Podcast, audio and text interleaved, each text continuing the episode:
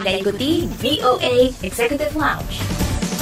Direct from Washington,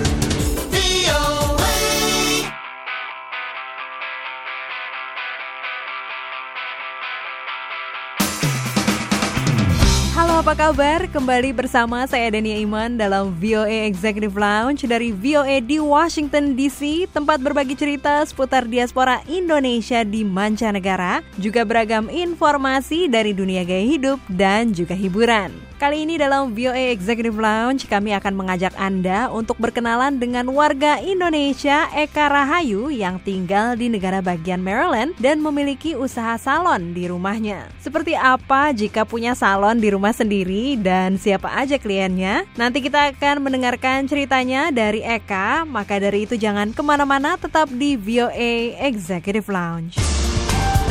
Dari Washington DC, inilah VOA Executive Lounge.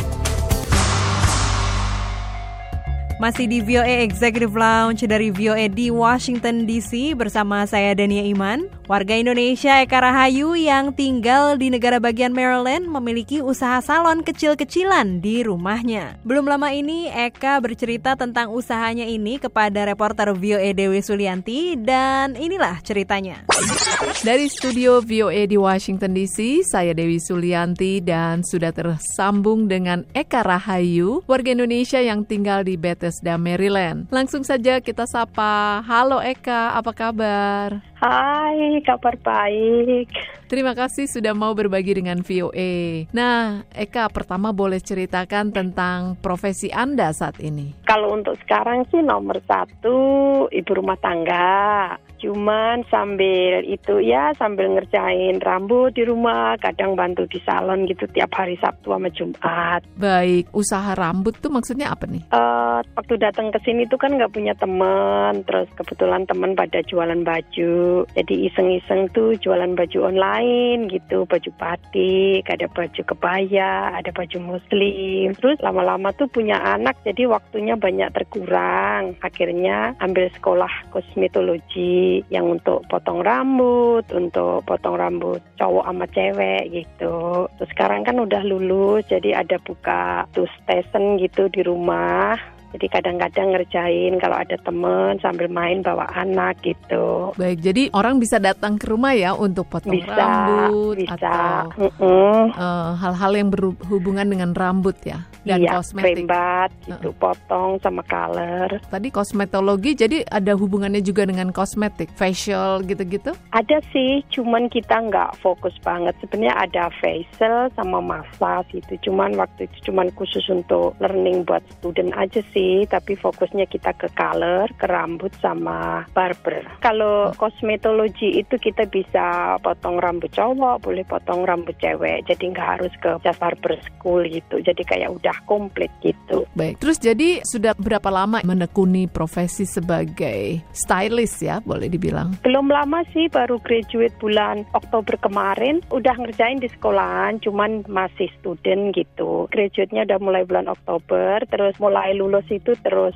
ya udah buka kecil-kecilan satu station di rumah. Kan sebelumnya katanya bisnis baju batik ya, itu berapa Mhm. lama dulu? Itu mulai dari anak saya yang kecil kayaknya umur 2 tahun setengah deh yang pertama. Mhm. Itu lumayan lama, baru berhenti tahun kemarin aja. Terus langsung ngambil sekolah itu ya, sekolah eh, heeh, rambut karena ya. waktunya nggak cukup. Waktu sekolah masih jualan sih sebenarnya. Terus satu lagi jualan groceries. Oh, jadi memang menyibukkan diri ya di rumah ya. Soalnya bosen.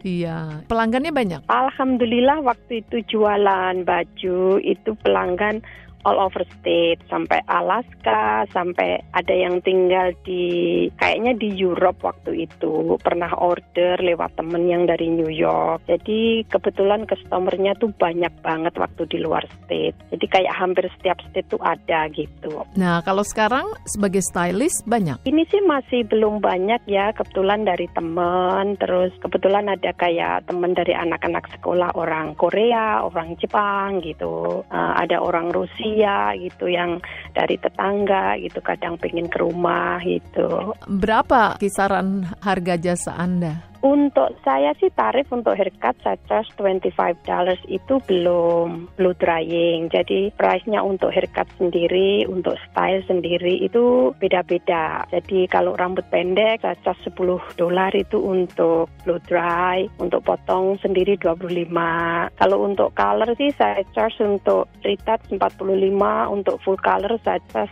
65 ke atas gitu. Apa suka dukanya selama ini berbisnis sebagai stylist di rumah? Suka dukanya itu kalau sukanya seneng ada kesibukan. Eh, dukanya itu kalau jualan online kan kita harus tahu kemauan customer, harus ngerti apa yang dimau. Itu aja untuk take time. Kebanyakan sih banyak sukanya ya ketemu teman gitu, ketemu teman jarak jauh. Dukanya kalau di sini sih paling nggak bisa ke mana-mana kayak di Indonesia gitu. Soalnya pada sibuk sendiri-sendiri. Ini bukannya tiap hari. Sebenarnya saya buka tiap hari, cuman karena saya kan masih ada anak dua, jadi saya nggak fokus banget gitu. Jadi kalau ada yang mau datang sambil bawa playdate gitu, silahkan. Kalau cuman untuk sekedar mau potong, mau itu ya silahkan gitu. So far sih memang masih belum rame ya, karena masih saya belum cuman untuk kegiatan di rumah aja. Saya kan masih sibuk antar anak sekolah, kegiatan anak sekolah gitu. Gimana nih tipsnya supaya bisa buka usaha di rumah? Kalau untuk di sini buka di rumah itu sama aja kayak di luar ya. Uh, mesti official tentunya kalau untuk rambut karena kita kan doing chemical service. Jadi mesti harus sekolah full 1500 hours tuh harus. Terus harus ada Maryland State. Jadi ini kan bersertifikat ya. Mm, harus punya izin ya buka usaha. Harus punya izin ya. Baik kalau begitu Eka, terima kasih atas bagi-bagi ceritanya dan sukses selalu untuk Anda. Makasih sama-sama. Ingin menyimak kembali siaran kami? Kunjungi situs kami di www.voaindonesia.com.